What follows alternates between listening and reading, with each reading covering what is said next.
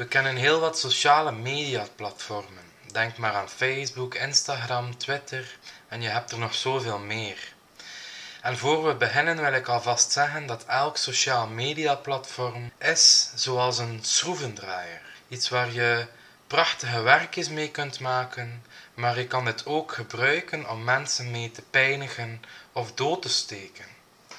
Wat een machtige tool om te evangeliseren, hoor ik velen denken. Maar laat je niet misleiden. Je bent in het kamp van de vijand en bevind je op glad ijs. Hier zijn enkele zaken waarover ik toch wel even wil spreken met jullie over sociale media. Ik wil je niet bewust maken van het verwijderen van sociale media platformen. Ik wil je wel bewust maken van enkele valkuilen die sociale media met zich meebrengt.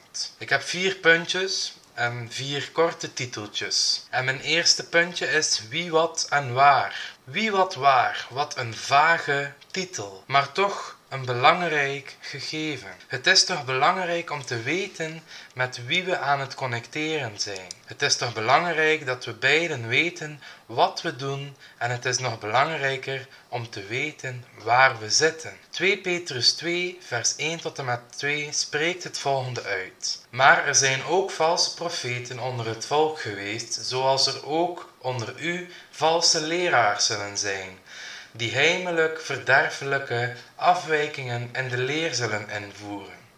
Daarmee verloochen zij zelf de Heere, die hen gekocht heeft, en brengen zij een snel verderf over zichzelf.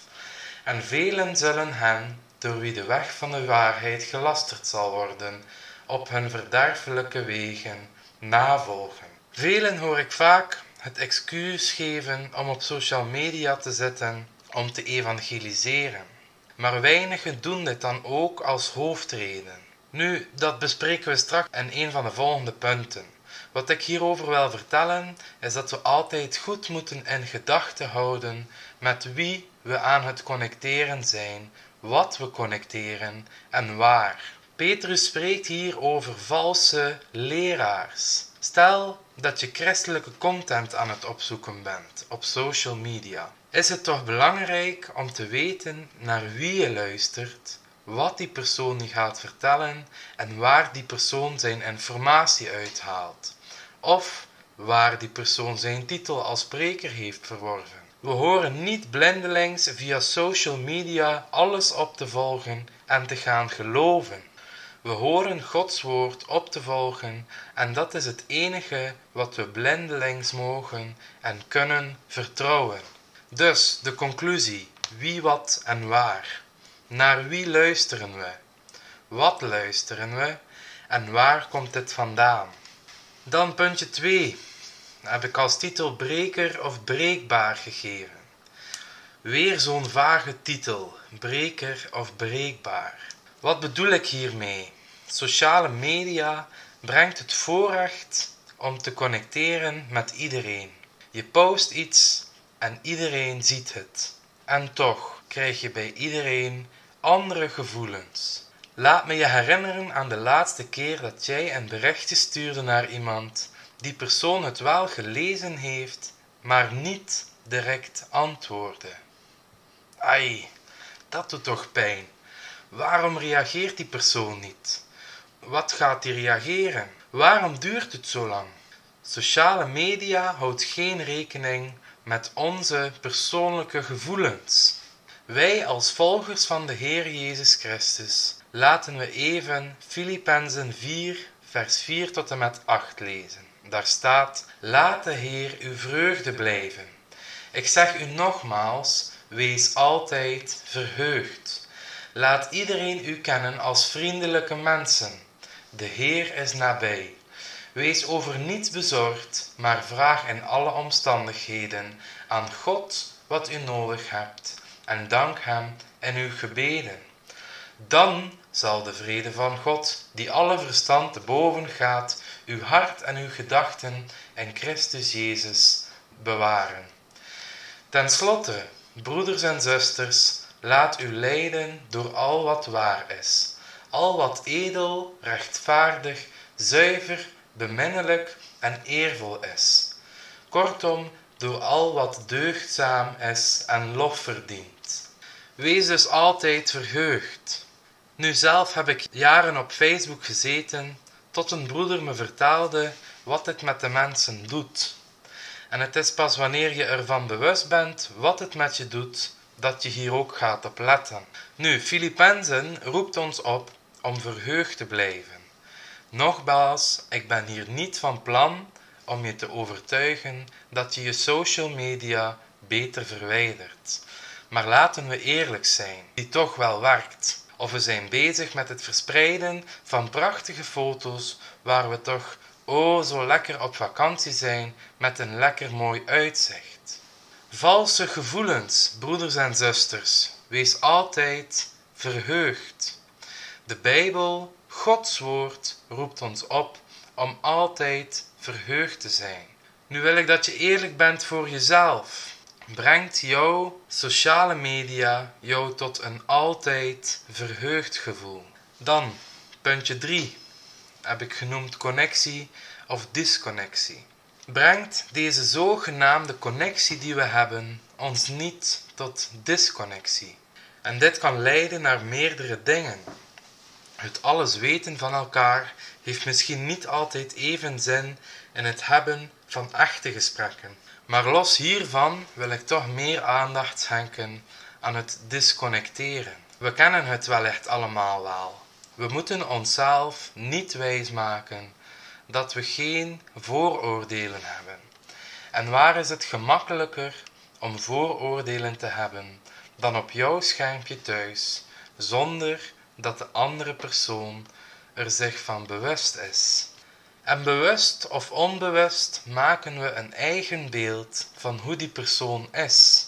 Ik zal een voorbeeld geven. Stel dat er een groepje van vijf mensen bij mij zit en ik toon één profiel aan alle vijf die mensen.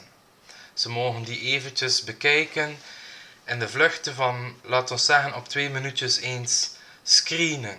En na die twee minuutjes vraag je aan die mensen wat voor een soort persoon het is en op welke basis ze daarvan uitgaan. Je zult ervan verschieten op welke dingen mensen allemaal letten. Wij zijn volgers van Christus. We horen te luisteren naar wat God van ons vraagt.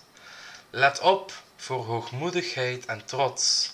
Laten we opletten voor de valkuil die sociale media met zich meebrengt.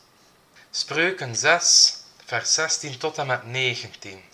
Daar staat: Deze zes haat de Heere. Ja, zeven zijn een gruwel voor zijn ziel. Hoogmoedige ogen, valse tongen, handen die onschuldig bloed vergieten, een hart dat zondige plannen smeet, voeten die zich haasten om naar het kwade te rennen, een valse getuige die leugens blaast en die tussen broeders twisten teweeg brengt. En dan tot slot wil ik afronden met punt 4. Die heb ik de titel Tijd uit het oog verloren genoemd.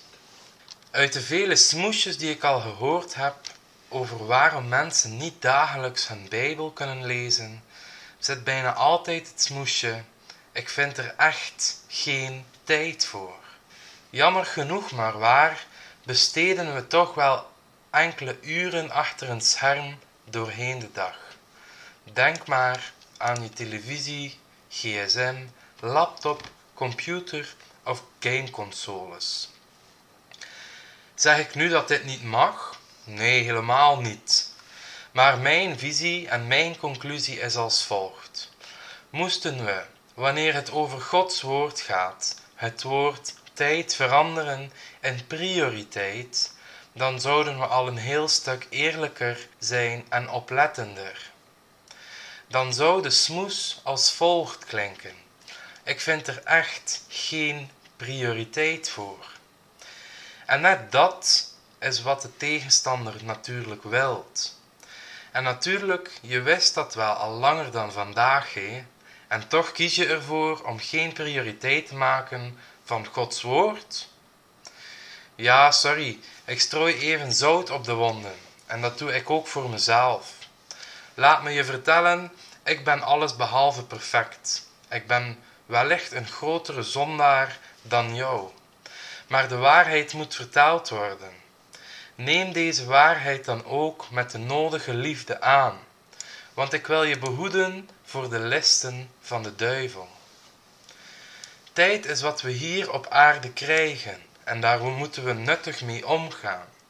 En natuurlijk mag je genieten van allerlei dingen, maar laat je niet misleiden.